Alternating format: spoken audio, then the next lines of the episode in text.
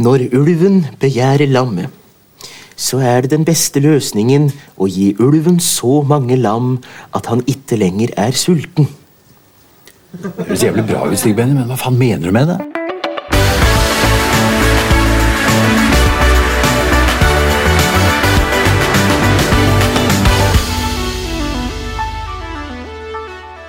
En helt ny runde med Grand Prix-podkast. Mitt navn er Ronny Bergersen. Jeg trodde et bitte lite øyeblikk at det sto Stig Brenner på navnet ditt nå, Anders Tangen.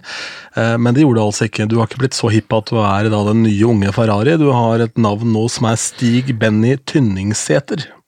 Ja, jeg skulle gjerne vært eh, den unge Ferrari, men du er jo ikke særlig kul hvis du bare stjeler navnet til en annen kjent popartist i håp om at du dermed blir popartist sjøl. Det- For jeg er jo åpenbart ikke Stig Brenner. Um, nei, Stig Men, Brenner men du er Stig. Stig Benny, er du tydeligvis. ja, ja. ja, fordi at jeg eh, Forrige uke så snakket vi om Eurovision 1973. Og ja. så snakket vi at vi denne gang skulle snakke om Eurovision 1983. Og det var jo eh, en fantastisk årgang eh, hvor Jahn Teigen på en måte fikk en veldig ålreit plassering med en niendeplass med Doremi, skrevet av Herodes Falsk og Jahn Teigen. Eh, og det morsomme der eh, er jo at lite visste jeg da, når jeg satt som 15-åring eh, oppe i Hunndalen og så denne her finalen utspille seg, at jeg eh, ca. 13 år etter skulle spille en TV-serie sammen med Herodes Falsk og Tom Mathisen. Det er nesten så jeg glemte, men, men eh, det er noe av den morsomste sommeren jeg noensinne har hatt. eh, hvor jeg da spilte presten Stig Benny eh, i TV-serien Piker, vin og sang. Og Herodes Falsk, at det er den mannen som lagde dette rølpegreiene der, med meg på slep, som skrev Doremi, det er altså så absurd at det er en tidsreise eh, som har prega meg på ulike måter i livet, da. Så derfor så følte jeg meg i dag at jeg ville ta fram denne her presteskikkelsen Stig Benny Tynningsæter, som jeg for øvrig har blitt kalt i Se og Hør en gang, for jeg møtte opp på premiere i prestedrakt på Primaveras show i 2001 sammen med en blond dame som kalte seg for Olaug. Eh, Så det var, eh, det var gøy. Eh, Da, ble, da sto det bare Stig Benny Tynningsæter kom med sin kjære Olaug. Det var veldig gøy. Det er aldeles nydelig. Jeg, jeg er jo stor fan av eh, kanskje særlig eh, Tom, eh, men også selvfølgelig det Herodes. Og jeg er imponert over hvordan de har en utømmelig kilde til å lage ting og tang, og de har holdt på i evigheter. Og så kom de under pandemien med en låt om grilling, som faen ikke var så verst. Det var- Nei, det er barbecue. altså, ja, og den skulle jo være verst, den skulle jo ikke fungere i det hele tatt, men den var jo fengende som faen. Um, og jeg var og så dette showet hans, uh, denne ja, Var det en avskjedsturné, i hvert fall så var han på turneen da Herodes for, uh, tok seg en tur hjem fra Spania. Og der er Doremi med. Han spiller jo veldig lite musikk under den forestillingen, men han spiller Doremi, og da er oppsettet til det at uh, jeg har skrevet veldig mye fine sanger, så jeg har skrevet én som er helt for jævlig, som er rein tortur, og det er denne.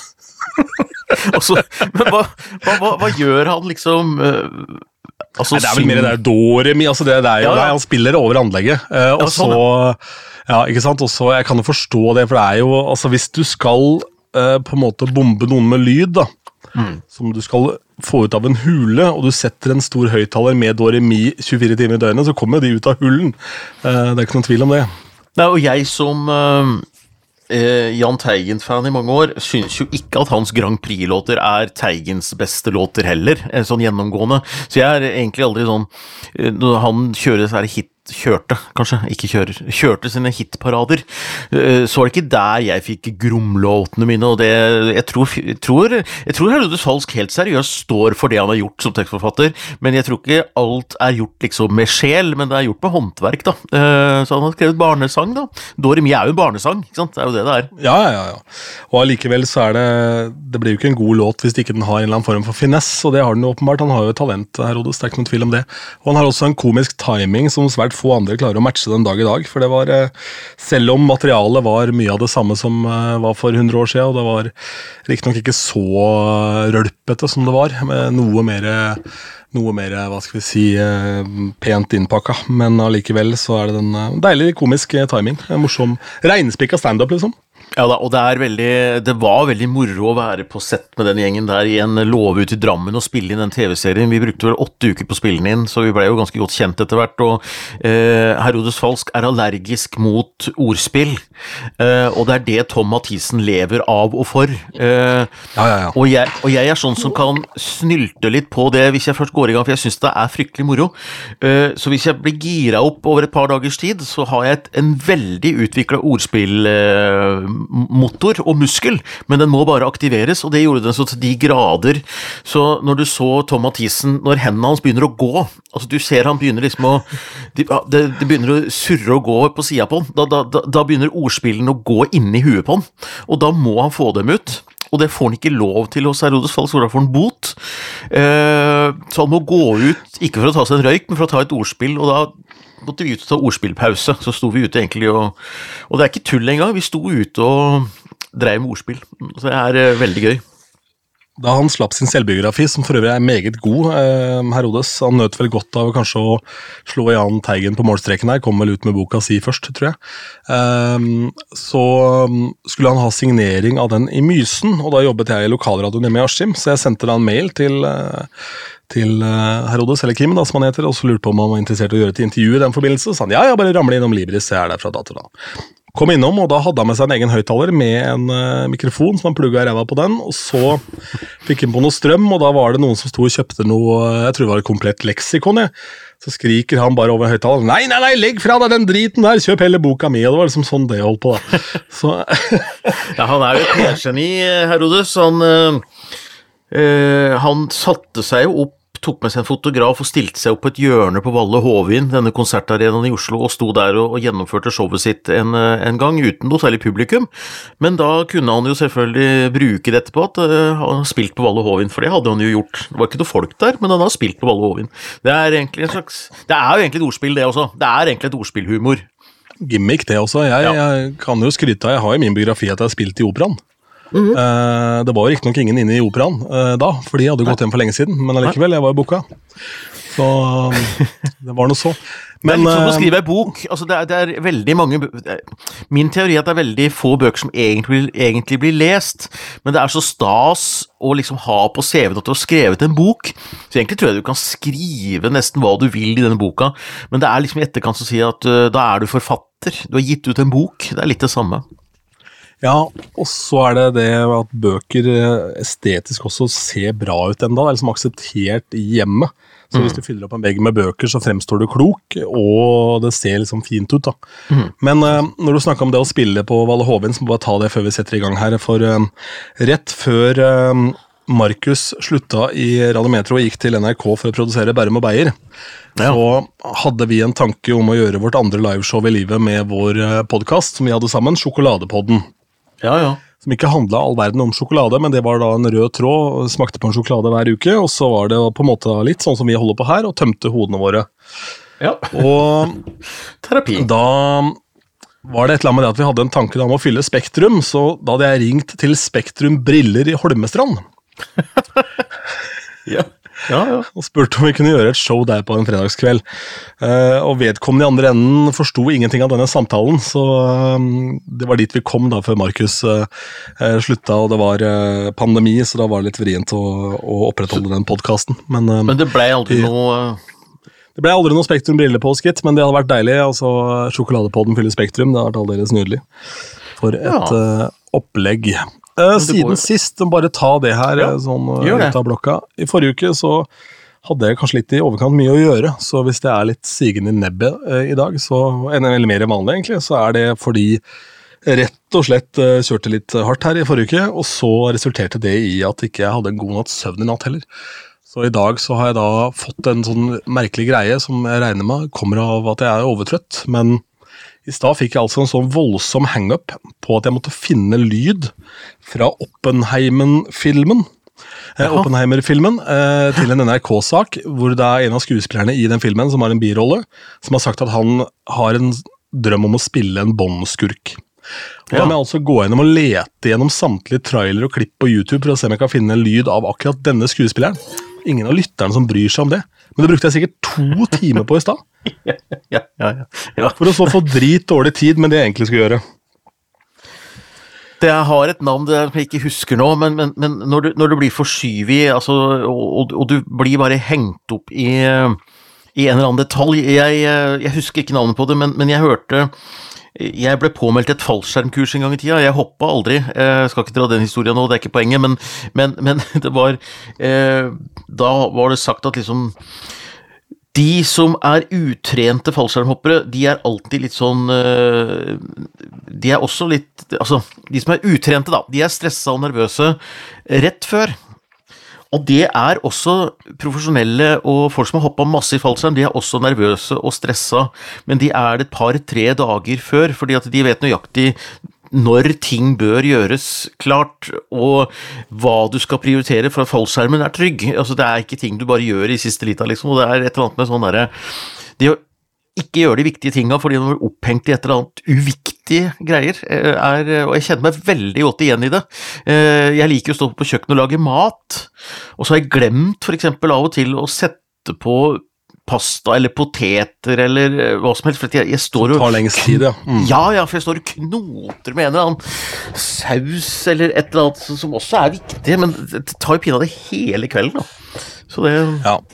Nei, Det er uh, rett og slett uh, sånn, og da mister man fokus på hva man holder på med. og så, Jeg er for dårlig på rekreasjon. Jeg har på en måte ikke funnet tilbake til den biten der etter uh, pandemien hvor det bare var meg sjøl å ta hensyn til, og arbeidstider omtrent var når det passa meg. Så jeg er liksom for dårlig på å ha en rytme som fungerer. Det hadde jo ja. selvfølgelig måttet fungere annerledes dersom jeg var i din situasjon og hadde barn og, og fru og sånn, men nå er det på en måte bare nei, ja. nei, jeg skal ikke på skolen, skal ikke hentes på skolen. Det er ikke så nøye, det. Jo nei, da, jo, jentungen blir henta på skolen. Betyr ikke at jeg sover for det. Nei da, jo da, men det er, det jo, det er, det er riktig det. Altså, det blir en sånn rytme, men det, men det er også noe med sånn derre Man lengter jo tilbake til den tida hvor man ikke trengte den rytmen, da. Det, det skal sies. Um, det er jo deilig, da. Det er jo deilig å kunne bruke to og en halv time på å finne et lydklipp. Uh, er sant det faen ikke heller. Jeg endte opp med, med å gå Canossa-gang. Fordi det var jo ikke noe klipp. Han spilte jo en bitte liten rolle i den filmen. Han oh, ja. spilte han, eh, han fyren som, eh, som varsler om at Oppenheimer uh, muligens er spion for Sovjet. Det var denne rollen han fyren her spilte. Ja. Så jeg lette gjennom alt av trial, alt mulig rart surr. Og, og, den var jo, Jeg har ikke sett den filmen ennå, men den så jo dritbra ut. Så jeg ble sittende og glo på disse tingene. Helt meningsløst. Oh. Oh. Men, men. Den filmen skal jeg Nå, se, forresten. Jeg skal se den filmen, ja, forresten. Jeg også. Nå er vi i gang her med denne podkasten, eh, og um, la oss ta årsaken til at jeg er litt sliten. og Det er jo en hel haug med spillejobber. I forrige uke så var det tirsdag, onsdag, torsdag, fredag, lørdag. Uh, med fadderuke tirsdag, onsdag og torsdag. Det var uh, interessant. 600-700, nei i hvert fall 500 uh, kids som da hørte på det som unge mennesker hører på i dag, og det er jo Eh, ett tempo på all den musikken, og det er da sånn housemusikk-tempo. Og så spiller du 15 år gamle sanger for å eh, bryte opp, da, fordi eh, ingenting av den nye hiphop og sånn fungerer i Norge. Og dette var veldig rart, for her er det jo akkurat like gamle disse folka, men de er jo litt, fra litt forskjellige linjer ute på de forskjellige dagene. Så på tirsdag så hadde jeg seks ønskelåter før det var seks personer i lokalet. Oi. På onsdag det, hadde jeg knapt en ønskelåt, eh, og da var det også 200 flere folk enn på tirsdagen. Og torsdag var sånn midt imellom. Så det er litt sånn pussig at eh, fordi du går idrettslinja, så ønsker du deg ikke musikk. Det er jo ikke noe logikk i det. Nei, eh, normalt ikke. Nei, det skulle ikke være noe logikk i det. Altså, jeg tenker at de mange bruker musikk når de løper og trener, og, og musikk og rytme og sånn, og bruker det aktivt, da. Uh, men uh, ja, det kan så være, da, men i hvert fall så det er Veldig rart. Eh, ja, Uansett, så da burde det i hvert fall kanskje vært enda mer grunn for å ønske seg en låt. da, Som ja, det er det du jeg tenker. får energi av. Ja, ikke sant? Så det er rart. Men jeg fikk nå klemt meg gjennom de der, og så hadde jeg sending på fredagen. Dro til Askim og skulle gjøre to ganger 40-årslag der.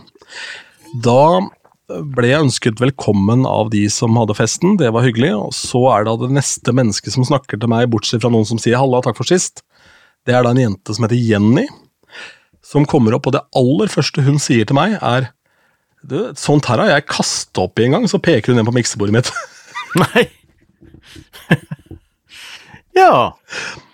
Så Og fint, da, sa du. Eller, eller ja. fikk du behov for å Og så spørre mer ser jeg på henne, og så tenker jeg eh, ja vel. Eh, og så begynner hun å fortelle, da, selvfølgelig, og det som hadde skjedd, var at hun prøvde å rekke do, rakk ikke do, løp inn på et annet rom, rakk ikke å lukke opp vinduet, kasta opp i et miksebord. Eh, den som eier miksebordet, veit ikke den dag i dag at hun kasta opp i det. Kanskje han veit det nå, hvis han hører på denne poden. så hun bare lukka igjen døra, eh, gikk og pussa tenna, eller hva faen hun gjorde, og så kom seg ut derfra. Og så sier hun i tillegg da ja, jeg husker jo deg fra ungdomsklubben, og sånn, men eh, husker du meg? Så er jeg jo ærlig og sier nei, det gjør jeg ikke. Og da sier hun også en setning som jeg aldri har hørt før. Nei, jeg har blitt penere med årene. Ja, det kan ligge noe der, sa du.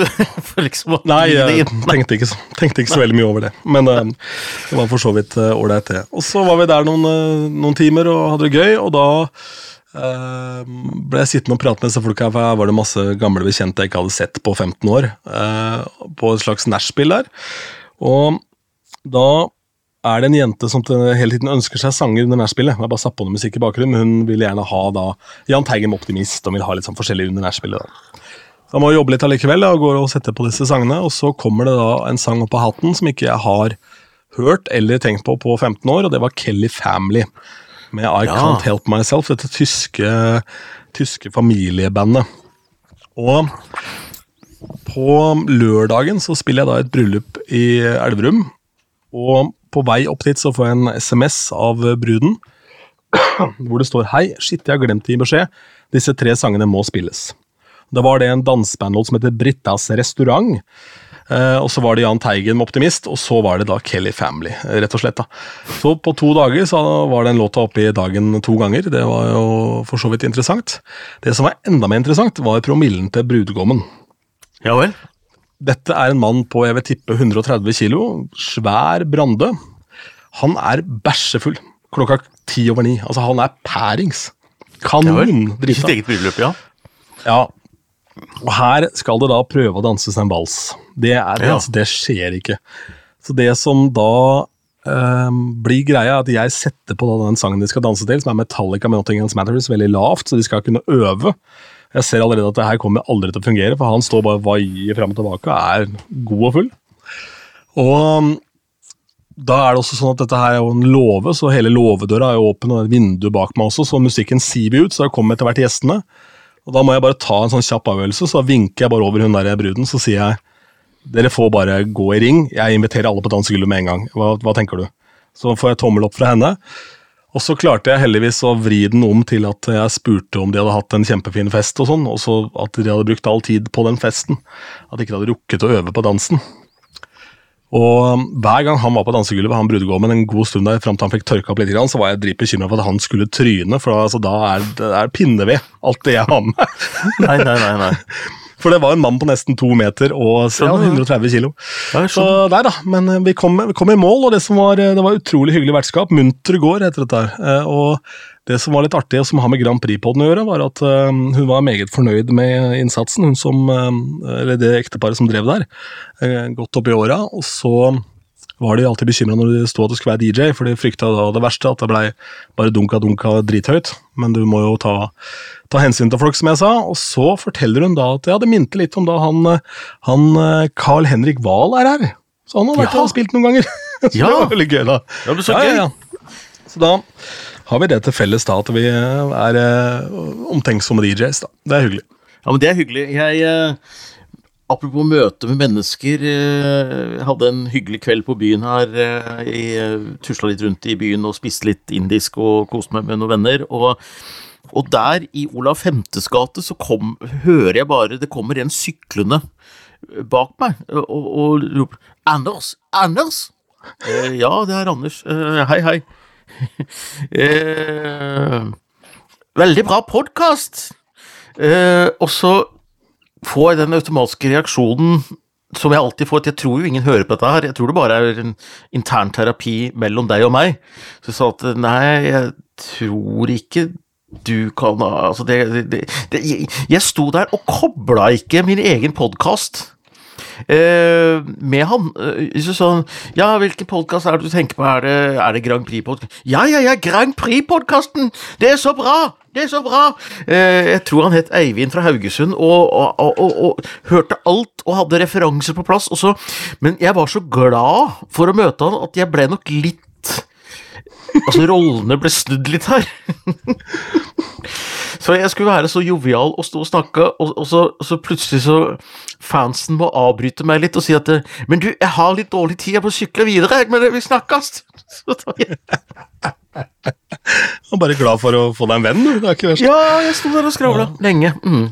Men det er ingen som er overraska over at du er litt rar og intens, Anders. Det, hvis ikke de har fått med seg det gjennom den podden her, så har de ikke fått med deg noen ting. Men jeg hadde en lignende seanse med, med Odd Nordstoga utenfor Det Norske Teater. Jeg var musikksjef i, i Metro, og så øh, ga han ut en plate, og så var det en sang på den plata som skilte seg sånn markant ut, og det var um, en sang som het Fri.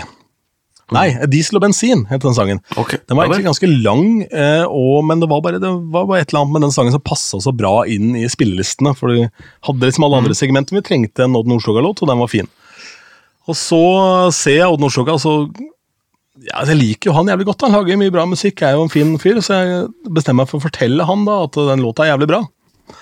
Og så blir han da kjempeinteressert, for han syns det var helt absurd at en kommersiell radiokanal spiller den på over fem minutter. så blir det en veldig sånn teknisk rar samtale Ja, Uh, der. Men allikevel, uh, uansett, så låta er jo dritbra. Så det er kos, koselig. Uh, det er nå så. Um, du har jo litt hvert på tapetet her, og stoppa fansen på gata, ja. Og ja, Hvordan går det med, med opplegget ditt, eh, denne reisen din på Spotify her? Er Jo, jo, jo. Bøhler nå i buksene? Ja, det, det nærmer seg Jan Bøhler-nivå på Spotify, eh, men det er klart at det er jo eh, andre steder vi ikke har fått noe tall ennå, altså som Mac Music, jeg vet ikke hvor mange som bruker Apple Music og spiller musikk derfra i forhold til Spotify, eh, og på YouTube og sånn, men eh, jeg tror at det totalt sett nå er nærme et par tusen eh, avspillinger. Jeg syns ikke det er så verst på ti dager. Eh, ut fra mitt mål om 1000, så syns jeg ikke det er hakkande gærent uten noe markedsføringsbudsjett, så jeg er rimelig happy med det. Absolutt ikke. Eh, Og når det kommer til eh, til eh, Apple Music og altså markeds... Hva heter det? Markedsandel. Her til lands så er jo Spotify veldig enerådende. I USA så er det litt mer sånn 50-50. Ja. Så um, tror du kan ta hensyn til Spotify. Ja, nei, og det, det gjør jeg. Nei, så jeg, jeg, jeg nærmer meg eh, Jan Bøhler. Jeg la ut en sånn story på Insta hvor jeg la opp til en sånn duell hvor jeg tagga Jan Bøhler og sånn. Eh, veldig Han er litt opptatt om dagen. Ja. Er han det? Ja. Hva er det han driver med, da? Uh, Nei, det, jeg tror det er noen valgkamp og sånn, så hvis han skal drive med kamp mot oh, ja. deg i tillegg, så Ja, Men er han har jo en låt som er, heter Groruddalen, er den nye Ja. Gralen, ikke sant? Kan ikke du ha, lage en låt som heter Hunndalen, er den nye Græren? Nei. jo, Græn. Græn, ja. Nye Græn. Er det Jo. noe? Nei. Det Græl? Nei, det er Græl, Græl, Grale, Græl ja. Jeg, jeg, jeg fikk forresten veldig apropos, Det er ikke apropos noe som helst, men jeg fikk en veldig fin vin i, i gave fra kjæresten min. Uh, Oi. Med to øyne på? To Yes. øyne på, ja.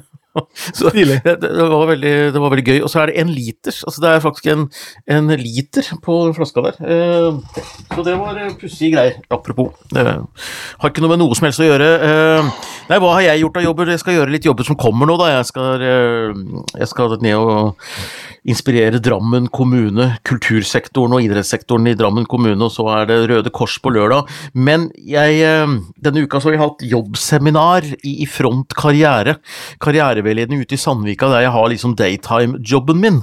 Eh, og der, det er ikke så mye penger i den bransjen der, så det er ikke penger til å leie inn foredragsholdere utenfra og sånn, men de vet jo at jeg driver litt med sånt, da. Vi er jo 17 ansatte i det selskapet, og, og satt inne i et sånt trangt møterom der jeg har dametime-jobben min, og, og, og så ble jeg spurt om jeg liksom kunne avslutte dagen med litt skråblikk. På faen, karriereveiledning. Vet du hva, det er så svett, det. Å stå foran de folka du, du er kollega med, men, men så tenkte jeg at jeg må bare eie dette. Jeg må bare, jeg må bare gjøre greia mi. Og det gikk veldig fint, altså. Folk var veldig fornøyde. Men gud hjelpes meg, det er fælt. Det er som å stå foran familien sin. Og da, da skjønner de artister som sier at det er mye lettere å stå foran 60 000 mennesker enn å stå foran bestemor og svigermor og eh, barnebarn og eh, konfirmasjonsselskapet, altså. Det er eh, Nei, det er tung materie. Og så er jo du litt sånn late to the party i det selskapet sikkert, i og med at det er ikke så lenge siden du begynte der. Uh, så du er ikke noen gammel ringrev heller som på en måte kan øse av din erfaring innenfor dette feltet? Nei, jeg blir bare han Jeg blir uansett, eller i mine øyne, da, i mine to øyne, uh, så, så, blir jeg jo han tullingen som kommer og skal liksom uh, vite best. Men det er sånn jeg tror at jeg blir oppfatta, men jeg, gjør, jeg blir ikke oppfatta sånn, for det er verdens hyggeligste folk, og de var glad for at noen gadd i det hele tatt å løfte stemningen litt, så jeg tror det var bra, altså, men uh, Og så har jo du da en gave som svært få andre innehar, og som veldig mange ønsker seg, og det er en trygghet ved det å tale i forsamlinger. Det er jo noe av det som folk er aller mest redd for i hele verden, dette her. Ja, det er det. Um, så Nei da, det men det, er jo det er noe bra. Jeg har se, en litt sånn trist sak før vi gyver løs på noe annet her. Og det er rett og slett en artist som jeg har fått et forhold til fordi jeg er jo stor Big Bang-fan, så jeg snappet opp da via storyen til Øystein Greni at uh, artisten som heter Celine Lunder fra Grimstad, ung jente fra Grimstad, syntes det var jævlig stas å bli spilt på P1, og så kom Big Bang etterpå. Og så måtte jeg ha noe å snakke om på radioen, for jeg har spilt denne sangen hennes mye da, på A-lista. Uh, Always Lonely heter den, så da prata jeg litt sånn meta om at jeg syntes det var stas, at hun syntes det var stas, Ja. og havne før Big Bang, for jeg er Big Bang-fan også. Og så avslutta jeg vel med å si at uh, at uh, jeg håper du syns det er greit å havne foran disse to her òg, og da var det Paul McCartney og Michael Jackson med Say Say Say. da. Og så er, er det jo sånn selvfølgelig at uh, Celine og hennes familie får med seg når denne sangen blir spilt, og når ting blir sagt. Så da har hun plutselig tagga meg, da. Ja. Og takker meg for at jeg er veldig oppmerksom. Men i dag så la Celine ut en jævlig jævla trist post uh, på sin uh, Instagram-konto. Jeg skal bare gå inn på den kontoen nå, bare så jeg, leser ting riktig her. For denne låta, 'Always Lonely', da, den er jo skrevet av henne selv sammen med en annen låtskriver. og hun har åpenbart et talent, for du havner ikke på A-lista og blir værende der i ukevis uten at det er noe ved deg. Uh, og så kommer da denne meldinga her, da. Uh, for 21 timer siden. Når plateselskapet mitt tolker meg i ryggen og lar meg stå igjen med ingenting på bar bakke, hva skjer da, liksom? Var det alt? Spørsmålstegn. Og så får man da en litt større forklaring her, da, hvor det står ble lovet det ene og det andre. Skulle jobbe mot store, spennende kommende prosjekter. Ble lovet eh, av plateselskapet at de skulle jobbe for å få meg signert hos noen virkelig gode som kunne ta dette videre. Hørte aldri en dritt. Eh, Nå står jeg her med flere nydelige låter jeg har skrevet, men som ikke kommer ut. Og det kjipeste får i hvert fall ikke kommet meg til et studio, for jeg har ikke råd til å betale for reise, opphold, studiosession og gudene vet hva. Um, og jeg er så lei meg. Jeg har eh, prøvd å skyve det unna de siste ukene. Kjente skikkelig på frustrasjonen i dag. Alt, eh, vil, alt jeg vil, er å lage musikk. Toppe radioen igjen med bra låter. Um, jobbe med nye mennesker som vil det samme. Skikkelig tungt, faktisk. eh, Spesielt når man hadde lovet eh, Når man har blitt lovet noe, eh, og så holder man ikke ordet, da. Og eh, siste her nå, da. Har følt meg som en nikkedukke det siste halvåret. Funnet meg i fjas aldri eh, Jeg aldri skulle funnet meg i. Vært altfor naiv og godtroende mens jeg har sittet og ventet på å få jobb i studio og slippe eh, den siste musikken min. Hvor eh, sistnevnte aldri skjedde fordi plateskapet aldri ga lyd fra seg. Eh, og så trenger vi jo ikke da eh, henge ut dette plateskapet, men dette er jo da plateskapet Det var ikke AMT Records? Nei, det var det jeg egentlig skulle fram til her, men dette plateskapet er jo et selskap som har signet artister i et annet segment enn Celine, da, så hun eh, havner da mellom alle stolene der, selvfølgelig. Og så er det ikke sikkert de har ressursene i utgangspunktet, så de har nok kanskje hatt gode intensjoner, men ikke klart å gjennomføre her, da. Men her tenker jeg, nå må Anders på banen, vet du, nå må direktøren på jobb her, bare signe.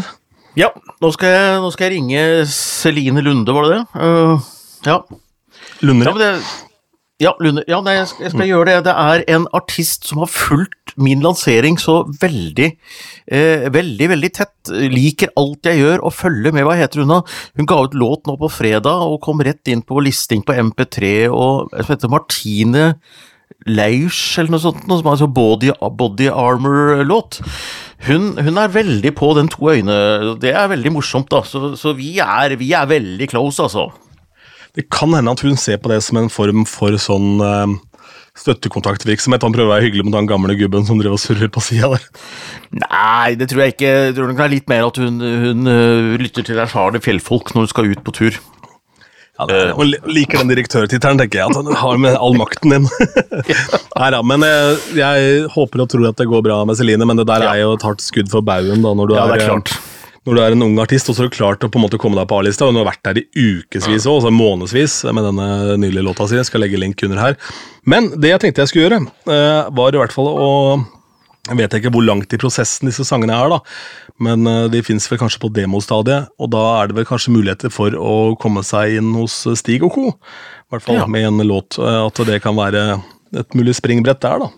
Ja, absolutt. Nei, men, du, det er, eh, men, men jeg tror det er mye sånn rundt omkring. Eh, eh, fordi det er jo dyrt. altså jeg, har fått den lille smaken på det, ikke sant? og du bruker kanskje en 30 000 kroner da, på å spille inn én låt. Og så, eh, hvis du får Ja, nå har jeg 2000 avspillinger, så jeg har kanskje tjent eh, 300 Nei. Jo, kanskje Ja, hundrelapp, da. Så, Nei, så altså, liksom det er klart. Men det, Det er- det som er eh, overtrampet her, er jo rett og slett at de da har eh, åpenbart har lovt, Ja. ifølge det som står i posten, at de skal dekke disse tingene. da. Ja, det, det er nettopp og det er jo ja, det er nettopp det. Og det er noe annet hvis du lager EDM-musikk som lages på en computer hjemme. Ja. Um, da er det ikke så vanskelig, men det må i et platestudio, så er det noe annet. Og ja, og det var i gamle dager var det sånn eh, Da måtte du i studio, og det kosta jo hundretusener av kroner å gå inn i Rosenhoff studio og, og spille inn, og med musikere og være der i ukevis. Og som du sier, nå kan du sitte med en, eh, med en PC og få det til å låte låte ok. Men du, nå må vi snakke om eh, 1983. Jeg har sittet og sett eh, litt av 1983-finalen i kveld. Jeg sitter og kost meg fælt med det. Uh, utrolig. Ja, jeg har uh, spola igjennom litt, jeg også, og jeg har bitt meg merke i noen fun facts. Det var første gang eh, den ble TV-sendt i Australia, blant annet. eh, Eurovision. Stemmer det, og det var jo eh, det var da populariteten begynte, som endte med at eh, de ble med i, i 2015. Og, og, og det, det, altså hvis, hvis du ikke har lyst til å se alle Eurovision-finaler, men du har lyst til å se tidsbildet, så er det så kult, for 1973 er så innmari 70-tallet. Eh, og 83 er så innmari 80-tallet, fordi at eh, års, tiåret har så vidt begynt å sette seg, sånn at du, du, du, du skimter konturene av hva slags tiår dette her blir. da. Og 83-finalen er så full av hvite kassegitarer og dresser og 80-talls, og det var ikke så mye 80-talls synt, riktignok, eh, men, men det er ekstremt eh, 80-tallsk, det hele, da. Ja, for trommemaskinen sånn her til lands kom vel for alvor som året etter. Eh, Det var vel noe på ramp også, men da kom jo Leva livet og sånn. Eh, hvor det var veldig trommemaskinbasert. eh, Det var vel i 84. Um, og Nei, det er jo um, eh, Jeg må jo si at jeg syns det er rart med lydbildet med orkester. Det høres rart ut når man er vant til å se moderne finaler. Altså Man blir liksom ikke vant til det, at det er all den staffasjen der, men det var jo sånn det var. da. Ja, det, og det var veldig sårbart, sant, fordi at du var jo avhengig av at orkesteret spilte låta di. jeg synes at 1983 så, så var, det, var orkesteret ganske bra, sammenlignet med 1981, hvor jeg synes at det var veldig variert hvor bra de fikk til låta, men eh, noe av det morsomste, apropos fun fact, eh, et av høydepunktene synes jeg var da programlederen der eh, skulle introdusere eh, Norges dirigent. Hun gjorde en del sånn språktabber i løpet av sendinga, og blant annet da Norges dirigent skulle introduseres, så hadde hun glemt navnet hans. Det var Sigurd Jansen som skulle dirigere, så hun måtte bare finne på et navn, og bare kalte han for eh, Johannes Skorgen. Eh, hun, hun rett og slett bare fant på et navn og tenkte at Johannes kan være et norsk navn, og Skorgen er jo den ene norske artisten sammen med Jahn Teigen, så da kaller vi dirigenten for Johannes Skorgen. Det ligner ikke på noe som helst heller. eh, Så eh, For denne finalen gikk i Vest-Tyskland, eh, gjorde det ikke det? ja, gikk i Vest-Tyskland, og hun het Marlene Charell, hun, og det var en dritlang avstemning det året, fordi at hun skulle gjøre dette på tre språk, ikke bare to. Eh, og første gangen at eh, avstemningen varte mer enn en time. Eh, jeg har sett den med den engelske kommentatoren Cherry Wogan, og han er jo helt fra seg hvor, hvor spennende den avstemningen er. fordi Jeg har aldri sett en så kaotisk avstemning. Altså En stund så så det ut som nesten alle kunne vinne. Eh, til og med Teigen ble jo tatt bilder av helt i starten der som en mulig sånn derre Ja, der er han, og det, det, det, var ikke noen som utkrystalliserte seg. Og, og, til og med helt mot slutten der så kunne det egentlig Israel og Frahasa med Hai kunne vunnet. Eh, Fremling med Carola kunne vunnet. Og eh, eh, Å, nå står det stille Hermes, altså Corinne Hermes. Ja, de, ja.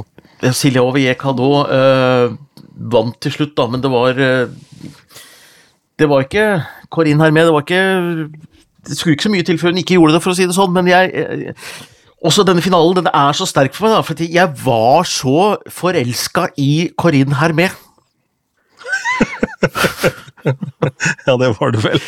jeg, jeg var 15 altså, det, det, det, er et tema her som går igjen. Da, har, det forelska i flere damer du, ja, ja. i Eurovision og Grand Prix-sammenheng. Er det rett og slett der det, det er der skoen trykker? Det var derfor du ble fan, for det var noen jenter der? Det var litt sånn som jeg var på rideskolen. Jeg my, hang mye på rideskolen, det var ikke fordi jeg var så opptatt av hest. Nei.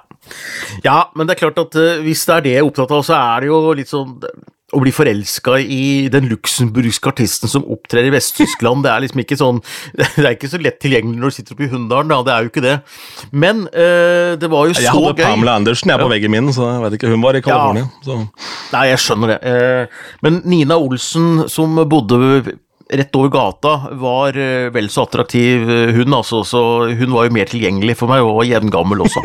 Eh, men Corinne Hermé men, men hun, jeg var virkelig forelska. Hun har sånn, sånn jeg, jeg, så det i kveld, hun har sånn fantastisk blikk. Og, nei, jeg syns hun er utrolig sexy, da. Og på Instagram, da, i 2020, tror jeg det var, så så jeg plutselig at Corinne Hermé hadde begynt å følge meg på Insta.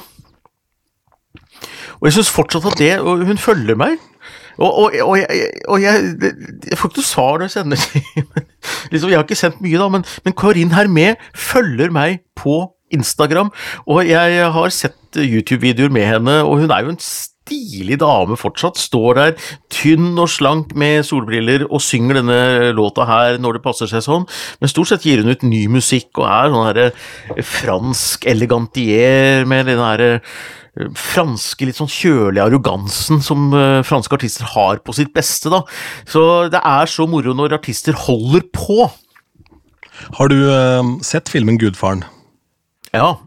Alle tre, holdt jeg på å si. Eller, altså, ja. Keep your friends close, but your enemies closer. Jeg tror det er det hun driver med, at hun bare vil ha litt kontroll på deg, hvor du er. ja, jeg tror hun er misunnelig på hattene mine. Hun bruker mye hatter når hun opptrer, har jeg sett. Og jeg har jo litt sånn hattepark, jeg er helt sikker på at hun ikke er misunnelig på hattene dine, Anders. hun har sikkert så mye hatter at det hjelper. Så, ja, ja, sikkert nei, en egen hattekolleksjon. Ja, ja. Nei, det, men det er en fantastisk finale, og, og jeg husker eh, Jeg syns det var litt sånn litt rart å merke hvor forelska mora mi var i en av artistene.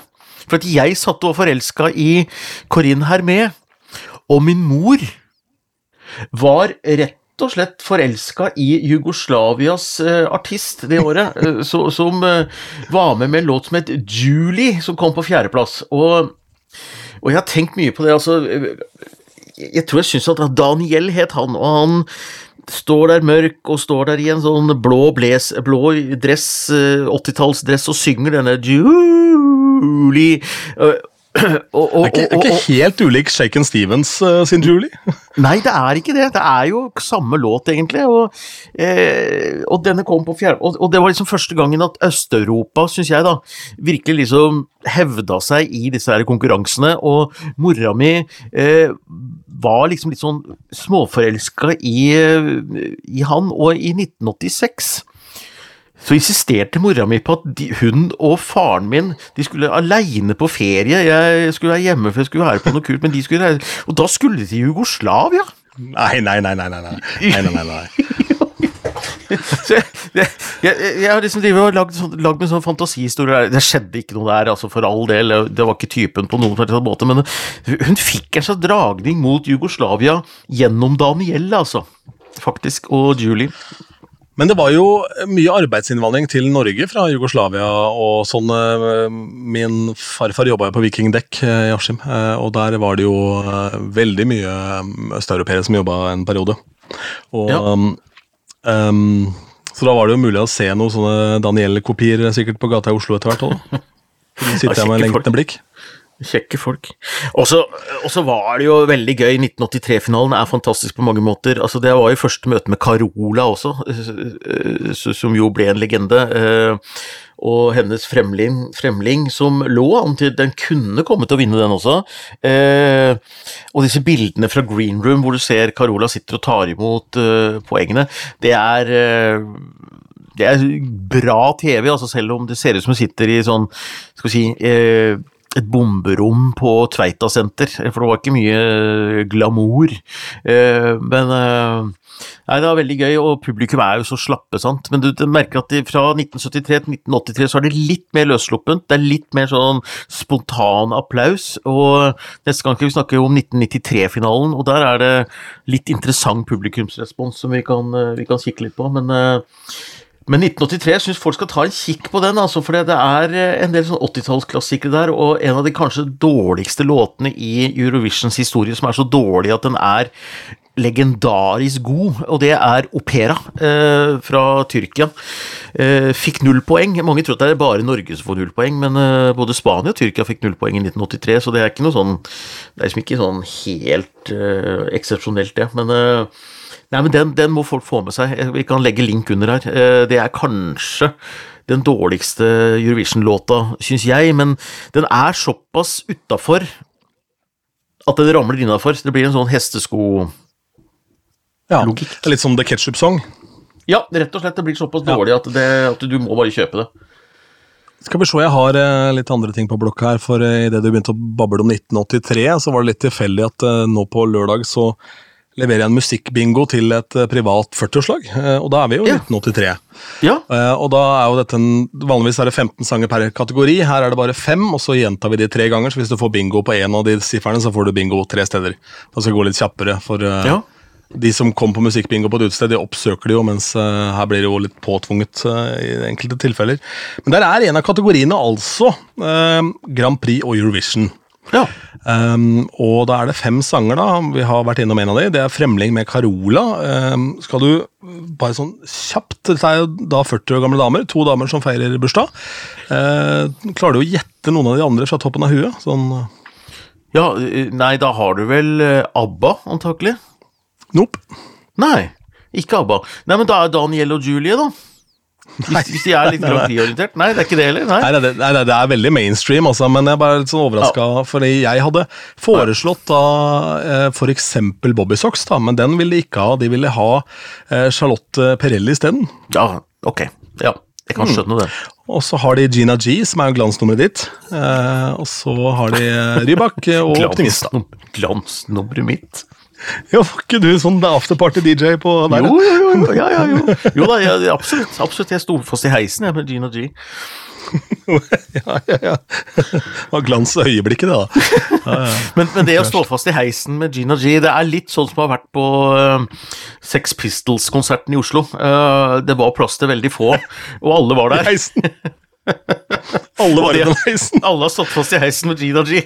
Men jeg gjorde det faktisk. Så det en slags følelse, jeg har en slags følelse av at det at jeg gjorde det, at, at det er en historie som har spredt seg. Det kan være flere som har gjort det, altså, men eh, jeg gjorde nå faktisk det, da. Det var eh, veldig gøy. Um, utover det så har jeg da kikka litt eh, rundt omkring på nettet og funnet ut at prisen på hotell i Malmö har økt med femgangerne. Den var 9000 kroner natta under Eurovision-helga. Ja, men eh, det, det folk ikke skjønner der, og det må folk bare skjønne, jeg nevnte det forrige gang, og nevner det igjen for nye lyarer, nå må man må utvide reg- regionen. Det er altså null problem å reise fra København til Malmö, så man må ta med eh, hoteller i København med i huben når man skal velge hotell, og jeg har jo booka hotell midt i København sentrum, og eh, det var det samme jeg gjorde når det var i Malmö i eh, 2013. Fungerer veldig bra. Jeg synes København er en enda koseligere by enn Malmö. Så jeg forholdt meg egentlig ikke til Malmö. Ja. Det var egentlig bare Eh, Ikke bare, ikke bare en enda koseligere by, det er en veldig mye mer koselig by enn Malmö. Ja, ok, nå var jeg litt diplomatisk, da. Ja. Så, Ja, København er jo ja, så greia er at du, du tar dette som en København-tur, og så når du må dra, så tar du dette toget over til uh, arenaen i Malmö. Den ligger like ved togstasjonen, og så går du dit, og så drar du tilbake til København, så feirer du der. Det er det du skal gjøre. Da er det billig. Og Ja, da noterer vi oss eh, det, at det er mulig. Det er ikke, ikke det at det er billig å kjøpe hotellrom i København om dagen, Nei. men eh, det er i hvert fall, det er i hvert fall billigere enn 9000 kroner natta. Eh, siden sist så har jeg da lagt på en uh, gjennomspilling av Loreen med Tattoo. Det er andre gang i min DJ-karriere jeg har spilt den sangen ute. Den uh, tok aldri tak, den blei aldri en fast del av repertoaret mitt. Litt av årsaken fordi den går så inn i helvete fort. Ehm, så det er ikke lett å vite hvor jeg skal slenge den inn. Så jeg brukte den i en av disse studentfestene i noe voldsomt tempo der. Jeg tror jeg miksa den inn i Sex on Fire. Jo, jo, det, det kunne den. Men det er klart, det droppet blir så hardt, og så er ikke det kjent nok enda til at det på en måte umiddelbart får den derre Så ja, jeg veit ikke helt om den på en måte har klart det i- i den gemene hop uh, en gang til, som den gjorde med Euphoria. Men, Hvor plasserte eh, du to øyne, sånn. egentlig? Eh, Er det mot slutten, eller tar du den som en sånn åpning, eller hvor uh, Hvor Nei, pleier det du å jeg ta gjør den? med den, det er jo Vi har en sånn regel som er If it's nice, play it twice. Ja, så du kjører den to ganger? Jeg tar den både før folk kommer, og etter at de har gått hjem. på, på AirPodsa. Ja, det er bra. Eh, Den vokser på meg, den sangen din. Den er fin, den også. Og så har jeg et par saker til om at eh, vinneren fra 1993 har foretatt seg noe, men det kan vi komme tilbake til neste uke. Og så har Monaco for en ny TV-kanal eh, den eh, 1. september, så nå spekuleres det i at det kanskje blir Eurovision på, Ja. på TV i Monaco igjen. Um, men det er vel en frist for å melde seg på 15, er det ikke det? Det. Eh, jo, det er et eller annet Det er da de møtes, tror jeg. Rundt den tida der så møtes disse her eh, Det er da Stig Karlsen skal stå der med brynje og kjempe for uh, mindre jury uh, i uh, Mindre makt til juryen i Eurovision. For da skal disse her delegasjonssjefene møtes for å planlegge neste års Eurovision. Og 1. 1. september er jo gongongen. Da ringer bjella, og alle låter som kommer etter det, kan i teorien være med i neste års Eurovision. og det det har vi snakka om før, men eh, i år blir det jo sånn i MGP at alle låtene som kommer fra og med 1.9, kan eh, meldes på MGP, selv om de er eh, spilt i hjel på radio, altså. Eller ja, så Ja, Det blir spennende å følge den reisen der, altså. Det blir også spennende å følge reisen til denne nye remixen som jeg sendte deg av Optimist. Hva tror du om den?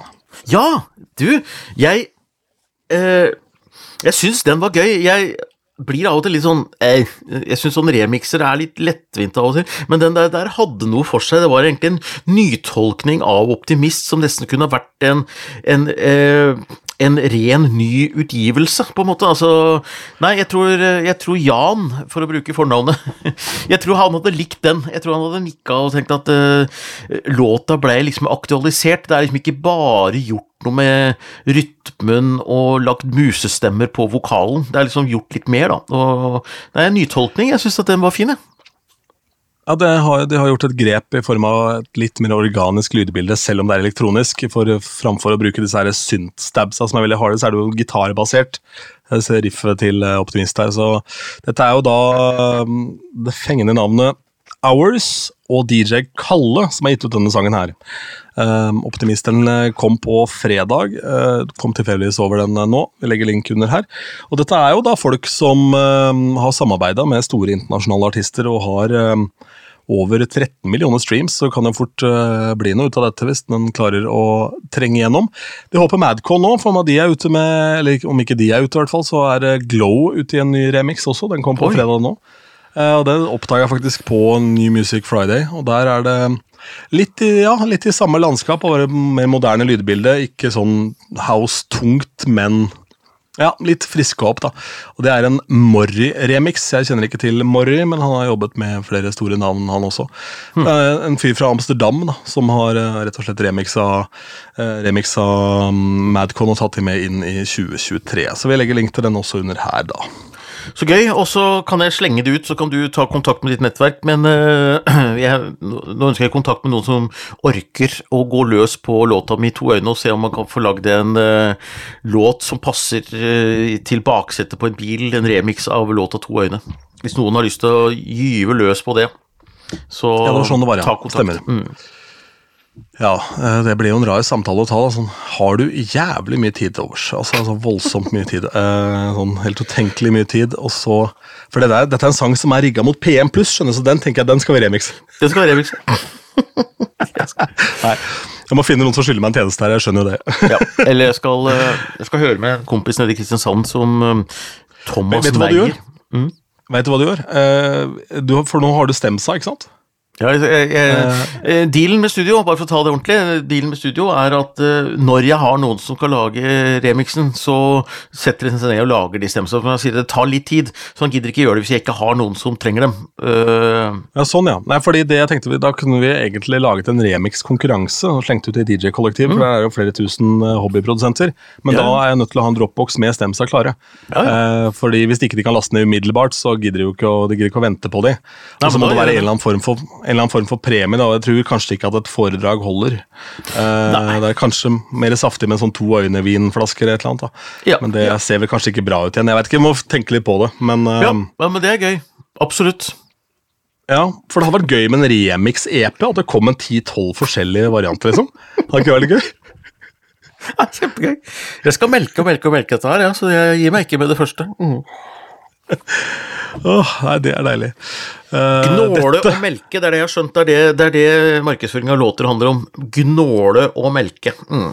Jeg er spent på hva dette gjør med vår egentlig plettfrie, ukompromissløse podkast, som du nå bruker til et uh, tysk horhus Ja. uh, for å klemme og melke. Så Vi, får, vi får se.